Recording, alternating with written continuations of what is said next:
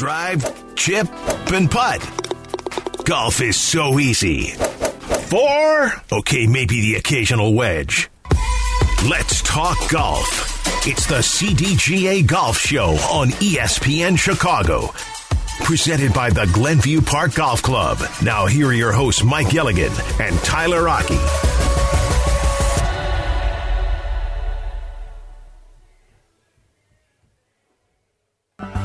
This is the CDGA Golf Show on ESPN 1100.3 HD2 and the ESPN Chicago app.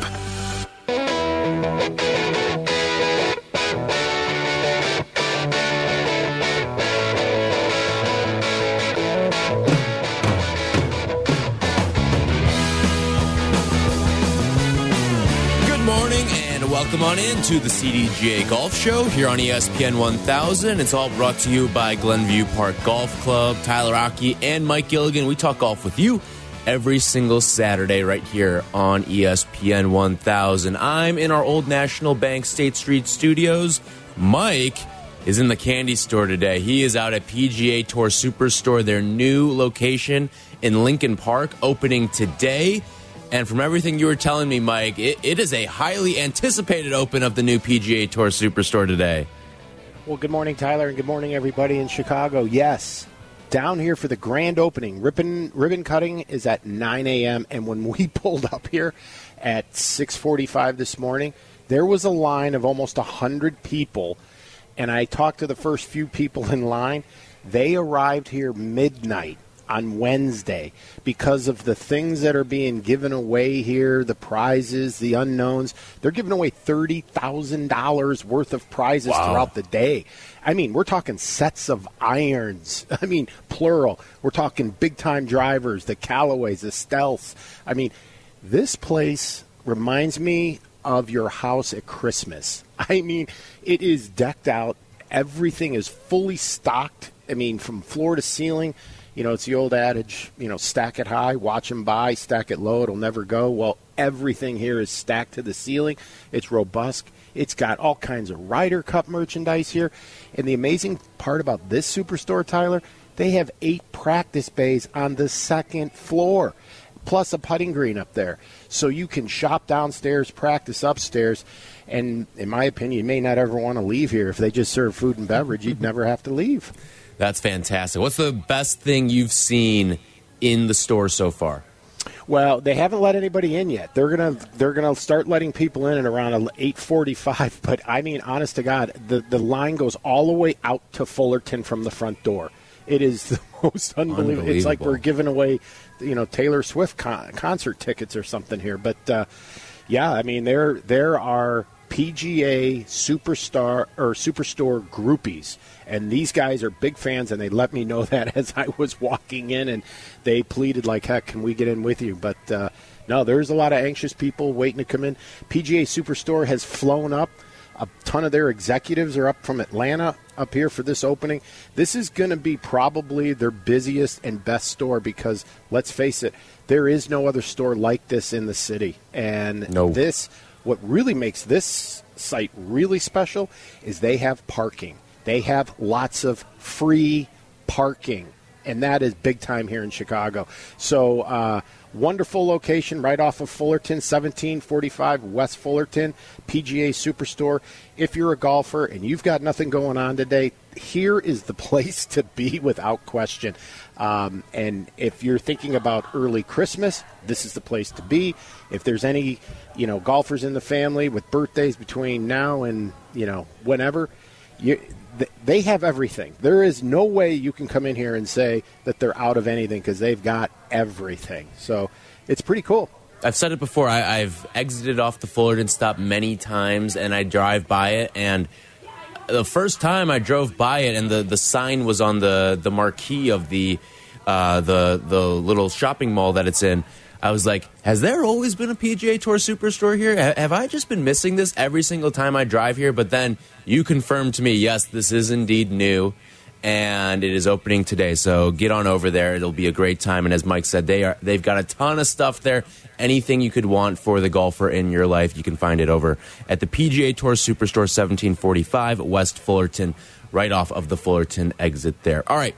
Mike, let's get into what's going on around the world of golf professionally right now. And I think Americans probably feeling a little rejuvenated right now about some of their Ryder Cup hopes. Maybe some people feeling a little bit dicey about how they thought this thing would transpire over in Rome, given some of the captain's picks.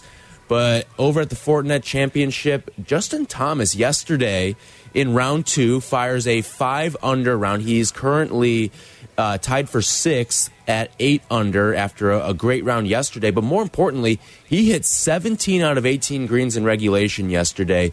If this is the JT that we're going to see over in Rome, wow, like America's chances of winning this thing just went way up. Couldn't agree with you more. And I bet Zach Johnson, among a lot of other Americans, are breathing a big, big, big sigh of relief because, just to your point, he hit, you know, 17 out of 18. His putter is acting like it normally would. Um, and you know what was more promising for me, which told me a good story, was the three under he had in round one, but he hit the driver terribly. He hit less than half the fairways. He was a hundredth in strokes gained off the tee. The driver is really what has been his downfall all season, as he's 132nd in driving accuracy in 2023. But here's what happened he manufactured around when he needed to. Even with a bad driver, he still goes out and goes three under, corrects it, and now is playing like the JT we know. And I'm going to tell you something: a guy like that, who's exhibiting that kind of scoring, you know, prowess and and and skill sets, is showing me he is still a great match play player because he's able to get that ball in the hole no matter what is going on with his game and still score. And I think Rory said it best earlier this week when he said, that's the guy we do not want to have to face when we play match play. So he considered Zach's pick a no brainer. And after watching what he's doing in the first two rounds, I'd say the Americans' hopes are only getting stronger. And I would think that Vegas odds would probably show a little bit more towards the Americans being favored, but you're the expert when it comes to that kind yeah, of thing. Yeah, I'm pulling it up right now. In, in fact, it's actually moved the other way. No it, way. Uh, the I think the last time we checked in, uh, the U.S. was minus 115. They have shrunk down to minus 110. So maybe you're feeling a little bit better about that now, um, even though the Vegas odds are, are steaming the other way here. But I would say that if this is the JT you're going to get, this is, I mean, he has a chance to make Captain Zach Johnson look like an absolute genius, the smartest guy in the room, if he goes out there and balls out over in Europe. Because not only is he a guy with experience, not only is he kind of this captain of vibes over there, but they need him to be swinging the stick well as well. And if he's going to perform like this, then I think you're feeling pretty good about America's chances, especially knowing that on the European side, you're not getting anybody over from the LIV Tour, guys like Sergio, Ian Poulter, all that. They're not going to be participating in this. And in an event, even though it is on European soil, this is going to be an event where I think experience is going to play a large factor, and the Americans have a heavy, heavy advantage in that department now. Yeah, and I would say to you, you know, what's worse than having to play against Justin Thomas? Having to play against a very confident Justin Thomas. And that's what I think we're going to get. And uh, yeah, and I, I, would only put that the odds at Vegas have gone down a little bit uh, or less in the Americans' favor, only due in part probably because of how well the Europeans are actually playing at the BMW Championship on the DP World Tour. They're all firing on all cylinders over there. And what is this starting to show us? That we are going to have one major battle on our hands over in Rome, which is just going to be the best way to end one of the most amazing seasons thus far that I've seen on the PGA Tour. But uh, yeah, I'm I'm I'm very very bullish on Justin Thomas right now. Are you buying into Justin Thomas? 312 332 3776. By the way, this segment sponsored by Geneva National. Experience 54 holes of legendary golf at Destination Geneva National. I'm starting to buy in a little bit here. I think the time off was good for him, got him a little bit of time to reset, knowing that, like, uh, what, what it was made official a week or two ago um, that he was going to be a member of this Ryder Cup team. I think all along he probably knew and was training for it accordingly and I think that he just needed to get in a mental space where he knew he could regain and recapture his old self and get back to the Justin Thomas that a year ago won the PGA championship in comeback fashion and still had that killer golf mentality within him. And I think you're starting to see him get back to that point now. I'm not saying he's going to be the best thing on the Americans team because I don't think that's going to be the case, but I think he is a necessary part of the American team as long as things are going right. If things aren't going right with JT, then this play thing could be in a lot of trouble. But right now, things seem to be trending in the right direction, and that's all you can ask for Justin Thomas, who had the shakiest 2023 of anybody on the Ryder Cup team. He did, and I think to your point, uh, we're going to get a uh, a very healthy, I think a very uh, hot J- uh, Justin Thomas in comparison to what he's been all year. That's only you know good thing for the American team for sure. Um, but yeah, I think his presence, playing well, but being the voice, being the confident voice, the guy that's showing up saying, "Look what I was able to do with all the pressure on me. Turn around, you know, play in this event and do well." That's only going to get the whole mojo going in the locker room and, you know, through his actions versus even words, I think he's making a statement. But then he's going to be the ultimate cheerleader, the ultimate thorn in the European side, is what I'm hoping. Um, and I'll go back to what I said last week. If I'm, especially now, after what I'm seeing Justin Thomas do, I'm having him hit the first ball in Rome. I just am. I'm, I'm going to put him it out feels like a no doubter now. Yeah, I mean, you've just got to get that momentum. Let's get Mo the momentum going Friday morning, and let's let it end Sunday night. I mean, that's really what's going to have to happen. And I think uh, Justin Thomas is just the guy, and I think he has got the intangibles to do exactly what it is we need to do. Um, because you know, when you when you look at who's missing on both sides, I think your point earlier about the experience and what the Americans have is that's what we're going to have to rely on. And I think Jon Rahm's comments about how they left Sergio, not even like they banned him, is the most idiotic thing. And so that's Jon Rahm's words, not mine. But he too is pointing to experience. I mean, why wouldn't the Europeans want to, even as a vice captain, a coach, anything, to have that on your side? Um, because I think, to your point, experience is going to play a big, big part in settling who's going to retain or earn the Ryder Cup. No doubt about it. All right, when we come back, there was someone who was not happy with their presence being left off of the Ryder Cup team. We'll discuss that when we come back. If you want to join us here, 312 332 3776. Are you buying in on Justin Thomas now that he's having a little bit of success here as we get closer and closer to shipping on over to Rome for this year's Ryder Cup? 312 332 3776. More to come here on the CDGA Golf Show. This segment brought to you by Geneva National. Experience 54 holes of legendary golf at destination Geneva National. More golf ahead. The CDGA Golf Show on ESPN 1000, presented by Glenview Park Golf Club. How's your golf game? Yeah, mine too, but more on that later. It's time for more golf talk on the CDGA Golf Show, your guide to golf around the world and in your neighborhood. The CDGA Golf Show on ESPN 1000. Now, here are your hosts, Mike Gilligan and Tyler Rocky.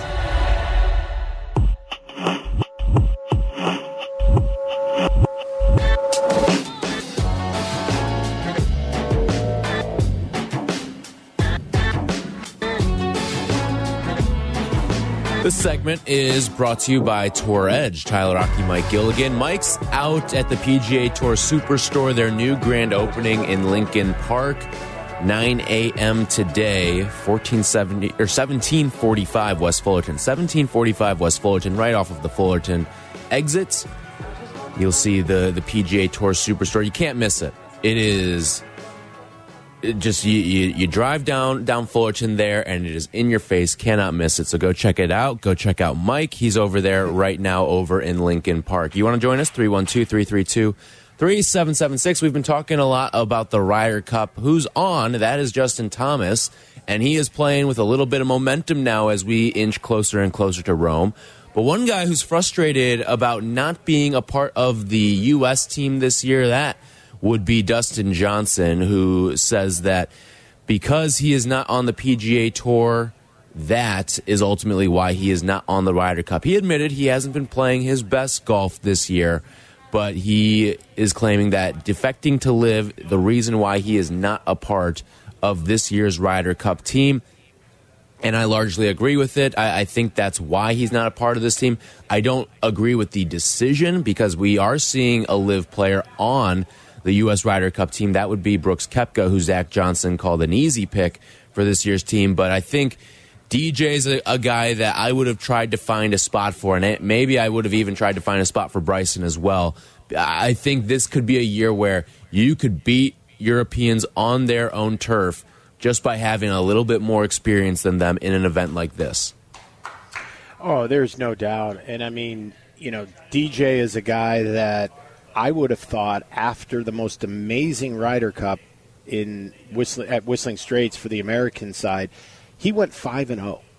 And we tend to forget that. We were ready to throw a huge parade for DJ. He was the most beloved guy in Wisconsin. He played in every single match and came away with a win. And it didn't matter who he played with.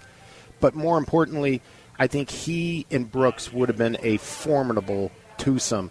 And I think would have been would have really made I think the United States team even stronger than what we are currently. But he did get snubbed, and he's quite honest about it. And I tend to tend to agree with him. That's the reason that he was left off. But admittedly, he hasn't played the best year uh, of the last few by any stretch of the imagination. Still a good year, and for many of us, a great year. But I do think, in the case of a Dustin Johnson, that without an end prize like a Ryder Cup and I don't know that he is as motivated um, without there being a carrot at the end of this thing. So I'm hopeful that for the years going forward, that we you know get this arrangement between PIF and the PGA Tour that allows these guys to be back into the mix um, because Dustin Johnson D- Dustin Johnson is a special player. He is the best athlete on the PGA Tour um, or LIV tour for that matter. Mm-hmm. Uh, the, he can dunk a basketball, even still at this age, and he's just an unbelievable athletic specimen. And he would be an absolute advantage for the American team should he been able to make it. But again, didn't have the greatest year, so he was an easy person to leave off. Um, I think in the eyes of Zach Johnson. But had he played the PGA Tour, I tend to agree with DJ. I think he would have been picked and I don't even think he would have had to play that well on the PGA Tour. I mean, just look at the season that Justin Thomas put together this year. Finishes outside the top 70, doesn't qualify for the FedEx Cup playoffs. Like, he wouldn't even have to have played that well. He just would have had to have been on the PGA Tour, it felt like. for And again, I think DJ, even though he didn't have a great season, probably would have still made the, the FedEx Cup playoffs this year but I, I don't think he would have had to have even had that great of a season on the PGA Tour. And I'm not second guessing his decision to, to hop on over to LIV. Um, but I am saying, like, that is one of the things that all these guys knew was a possibility when they did make the leap over to the LIV Tour is that there could be certain stipulations or there could be different ways that the golf world looks at you now that you are no longer a part of the prominent tour in American golf. Yeah, and I think they, they knew that going in, but I wonder if they really thought it would happen. And I guess now the reality of the situation has played itself out. I wish we could give them all some truth venom and really ask them, now knowing what you know, would you have done this again? But leaving DJ off, and to your point, even Bryson, I mean, Brooks, DJ, and Bryson earned half of the points that the American team had in 2021. So these three know what they're doing. They they understand big time pressure. They all have done well in major championships throughout their career. So the Ryder Cup is just a natural extension of who they are and what they do. Um, so do I think we put the very best team we could have out there? No, but I don't think the Europeans have either. Um, and quite honestly, I think it, it would have been, I think, a more fair fight if we would have just said either LIV guys are in for both teams or LIV guys are out for both teams. But we do get the one advantage. We do have Brooks, so we'll see where that takes us. But I feel bad for a guy like DJ because I, I think he's going to play on future Ryder Cup teams, and to be left off of this one because of this, as we look back in history, this little moment of time between the PGA Tour and PIF, and you know where will we be five, ten years now, looking back on this, saying, "Boy, was that a big mistake." You know, a lot of a lot of consternation over a lot of nothing is really, I, you know, when it's all said and done. Yeah. Eh, are you worried that some of the wind is going to be taken out of the sails of this year's Ryder Cup? A little bit, um, because I think that there's a built-in excuse now. I think there's yeah. an ability for the Europeans to say, "Well, we didn't fare so well. We got, you know, we we got annihilated or you know we were steamrolled once again because of the fact that we didn't have these guys. We likewise can say the same thing. We only took brooks when we should have probably taken dj and bryson. Um, so do i think I, I think it will always have an asterisk or a cloud over it in some way. It'll always be known as the Ryder Cup in Rome but it was missing the villains and it was the first year. That was the year that we left all the europeans off. I think that's how this Ryder Cup will always be referenced to the to the two teams that wish they could have had different teams. Right. if that makes any sense. Yeah, and I think even though it's to a lesser degree on the American side, but like there still feels like there's a missing piece to this whole thing, and it is because of, of the way that that LIV sort of changed everything. And it, it, sucks for guys like DJ. It sucks for guys like Bryson. Um, Brooks is the one that's made out like a bandit through this whole thing. I mean, think about it. He's going to be a part of the Ryder Cup team. He won a major this year. Like everything has sort of gone his way. Um, but it, it's something too that, yeah, I think you're right. This is going to be one of those Ryder Cups that just sort of has an asterisk next to it, and it sucks. Um, maybe it sucks a little bit more for the European side of things than the American side of things here, but th this is something that I, I think hopefully this is the last time we see any sort of stipulations like this in terms of roster construction moving forward. Yeah, I mean, we can only hope. I mean, that's that's all we can do. We have to deal with what we have, and this is the team that we're going to go to bat with. Um, and it is too bad. I mean, I guess again we go back, look look back at this and say, you know, what would life been like had DJ been picked, or what would have happened had this happened? Um, but you know we got to continue to look through the windshield and not the rearview mirror. I mean that's just the way it has to go. But you know it's interesting as we start to learn a little bit more through various interviews and from different players that we've chatted with over time. Who's had discussions with Zach Johnson all along and who hasn't? It's clearly evident to me that or Zach Johnson was talking with Brooks Koepka throughout the entire year but it doesn't sound like DJ or Bryson or any of the rest of the LIV players, Talor Gooch and all the rest, had any form of you know relationship communication with Zach throughout the summer. And I think those guys all knew the writing was on the wall. I think DJ knew he wasn't even going to be considered for a pick months before we did. I, I, would tend to agree with you there. I, I, do think there was a line of communication all along. So, uh, speaking of Talor Gooch, by the way, you brought his name up. He's going to join us at 9 o'clock today. So, looking forward to that conversation as LIV Golf is coming to Rich Harvest Farms. Uh, this coming weekend. So that'll be taking place in the Chicagoland area. Talor Gooch will join us at 9 o'clock this morning. You want to join us? 312 332 3776. Eddie's on the north side. What's up, Eddie? Hey, boys. Yeah, so the LIV Tour changed everything, but I think for the better. I mean, is this the last gripe of where they're not taking DJ on it? Then turn it over to a draft. Draft for the Ryder's Cup. Make it more exciting on that on that point of view of it. You know, is this something that they're still trying to hold against the LIV with the PGA? Because I thought they were combining and everything. So, you know, if he should have been on there, then why isn't he on there?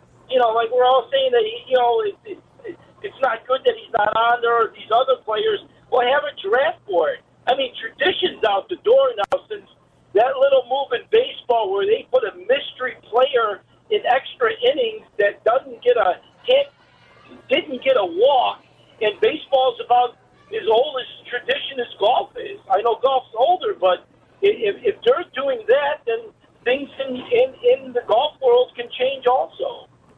Yeah, thanks for the call, Eddie. Listen, I I just don't think this is going to be an issue moving forward. So we're we're going to get to to 2025 and be right back at, at, in the spot where we were a couple years ago. Well, and I also think, to be honest with you, that you know we've over time. When I was involved with Ryder Cup dating back to 1991, it was the top 10 plus two picks, and in fact, there was a time that if you won the PGA Championship the year of the Ryder Cup. Now, remember, the PGA Championship used to be played for many, many years and decades in August. So after if you won the PGA Championship, there was a time you were immediately put on the team for that one win, that one week.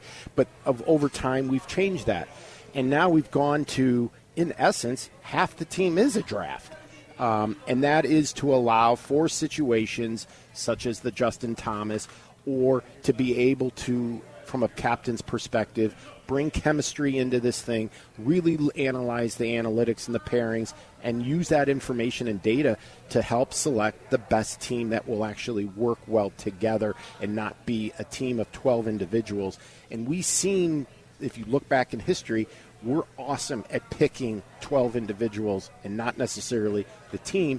And when the past 30 years, are basically proof in the pudding that the Europeans are much better at it at selecting their teams than we are. All right, when we come back, Tiger Woods has a tip for amateur golfers like myself and like Mike. He'll share that with you when we come back here. This segment brought to you by Tour Edge. Tyler Rocky, Mike Gilligan. This is the CDGA Golf Show. This is the CDGA Golf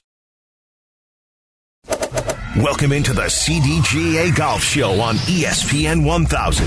Presented by Glenview Park Golf Club. Here's your hosts, Mike Gilligan and Tyler Rocky.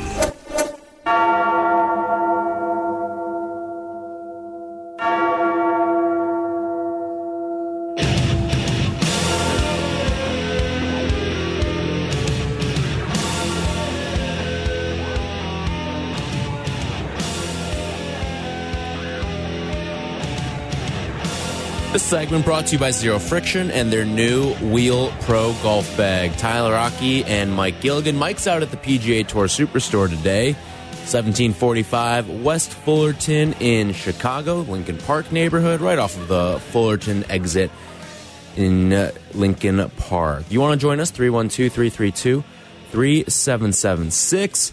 So, Mike, we oftentimes will look to the internet to find our latest golf tip, get rid of that slice, what's wrong, why are you hooking the ball, all that stuff. You'll look to the internet, you'll you'll go to YouTube, you'll go to TikTok and all that stuff. It just appears in your feed from time to time.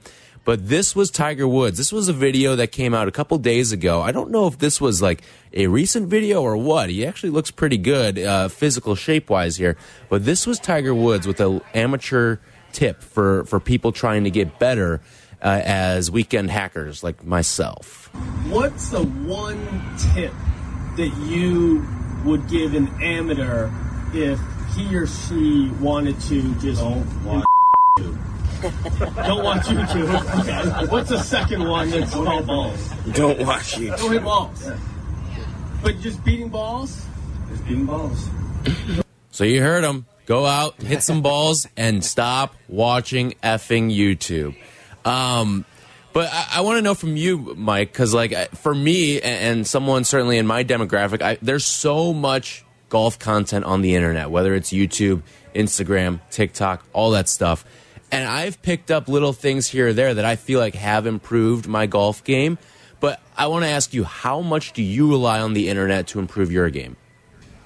Well, you know, it's funny. I do disagree with Tiger to a to a certain extent. I think if you were going to watch YouTube for all your golf content and, and education, the problem is you've got to be able to know which theories of teaching that you want to continue to listen to and not get confused by because there's different methodologies of teaching and different swing theories if you will so i tend to watch the you know the, the youtube videos that are specific to stacking and tilting and shallowing out clubs. You know, the the new way of swinging, if you will.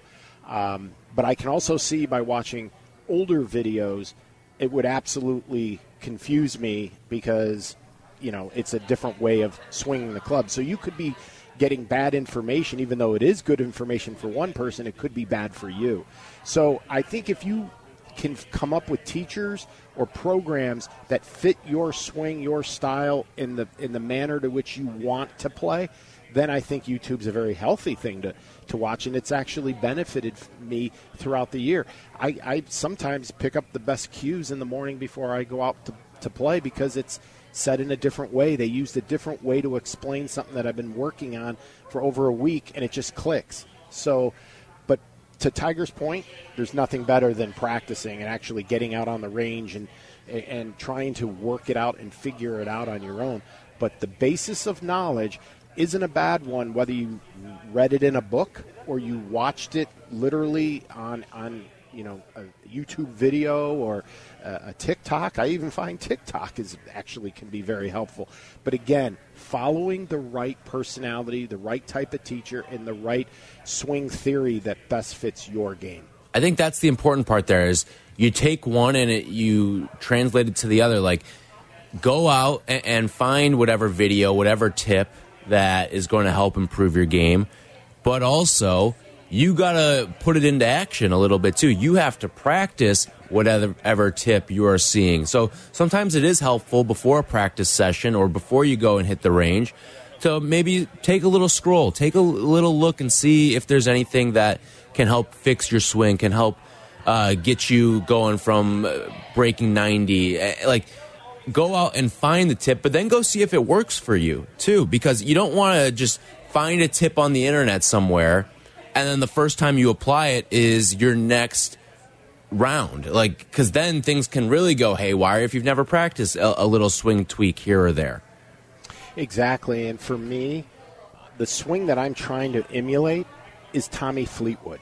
I'm still far from it, but all I'll do is watch Tommy Fleetwood hit balls just because I was always an observer. I could watch and emulate people real well.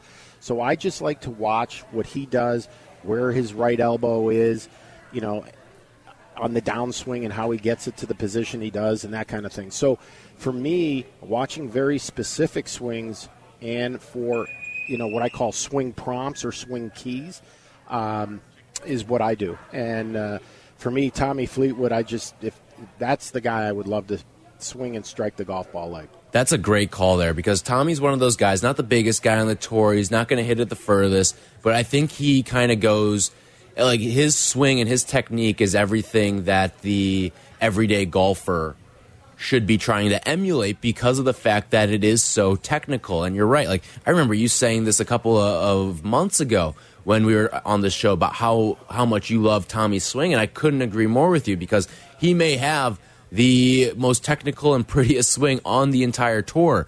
And the way that he just is, just a technician out there, everything sort of makes sense. So, yeah, I would say that's a guy. Certainly, you want to emulate that. And there's just like little tips that you pick up here and there on social media, on YouTube, all that stuff that.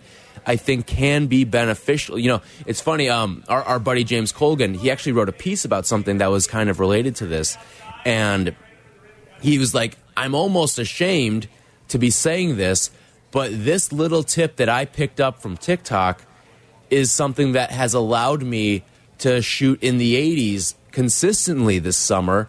And I think he even broke 80 once this summer as a result of this. But it's a tip that he found from this guy, and he said just take a frying pan in your your um, in your dominant hand, and then when you swing through, go like a half swing, and when you get to your downswing, see what angle the frying pan is, and that'll tell you if you're slicing it or not. And if you just adjust how you're swinging the frying pan, that will will really help you. Uh, where you can see the face of the frying pan. If it's square and like pointing down, then you know you know you're going to start to to fix your slice. But if it's pointing out and away, then you'll see that oh your wrists are are not in the right angle and all that, and that's really messing up your swing and ultimately causing your slice. And he says it really helped him, and he was ashamed to say like the reason why I've had such a better summer on the golf course is because of a TikTok video that I found. And you know what? The same thing happened to me because at the time, my swing, I wasn't getting the club all the way back, and I just stumbled across a, a, a, video that talked about how you got to get deeper with your right shoulder on the turn. Just simply make your right shoulder go back deeper, and it worked. But the other thing that I found was when they told me about how important where the right hand is, and it goes right along with that frying pan scenario, is how the right wrist or palm is actually down as you pull the club back. We have the tendency to want to roll our right hand with palm up instead of really palm down. And once I made that discovery, my ball striking and my, uh, you know, uh, dispersion, shot dispersion, narrowed up real fast. Um, because again, I did not realize how important having that right hand for getting that face angle to be proper was so critical. And you set it uh, after the first, call it 14 to 28 inches as you pull the club back. That to me solved a lot of problems in my swing. And where did I learn it? TikTok. Yep, it, it is pretty crazy. Now, I don't watch a lot of YouTube, but I'll stumble into the TikTok videos and then I'll just bookmark them and then go back to them right like right before I go to the range. I will go back, just kind of scroll through some of the ones that I've bookmarked and say, all right, I'm going to try to work on something like this today, or I'm going to work on that today, and just see which one makes the most sense for whatever practice session I'm about to engage in. But see, for you, you now know what works for you because Right. you know your swing. You just didn't download any old videos. You got the ones that best resonate with what you're trying to accomplish and where you know you are currently in your swing. So I tend to disagree with Tiger. I wouldn't, you know, just be watching any old video, but I think if you put certain filters on them, I think the YouTube, the TikToks, the Instagrams, all can be very beneficial because you get to actually hear, you get to see, and that way you can actually emulate versus trying to read words off of a page like we used to have to do this before all this technology came into our world. But ultimately, you do have to go out and put it in action, like you said. Yeah, like it's what we call going to the rock pile. You kind of got to get out there and you just got to start hitting shells. And if you ask anybody, you know, most of these, if, because the question really was, how does somebody, an amateur, become a professional? And it is through hard work, sweat and equity, blisters, calluses on the hands, and just repetitive motion and trying to build a muscle memory that will be there when you need it when you're playing for that you know that coca-cola or that extra dollar or you're playing in a club tournament that's when you need to be able to repeat what you're doing on the range when you need it at that moment in time and that's why golf is the greatest game All right. When we come back, we'll take your calls. How much do you use social media for trying to improve your golf game? 312 332 3776. This segment brought to you by Zero Friction, the most innovative products company in golf. We'll take your calls when we come back on the CDGA Golf Show. This is the CDGA Golf Show, presented by Glenview Park Golf Club, ESPN 1000, 100.3 HD2, and the ESPN Chicago app. From PGA to where you should play, this is the CDGA Golf Show with Mike Gilligan and Tyler Rocky, presented by Glenview Park Golf Club.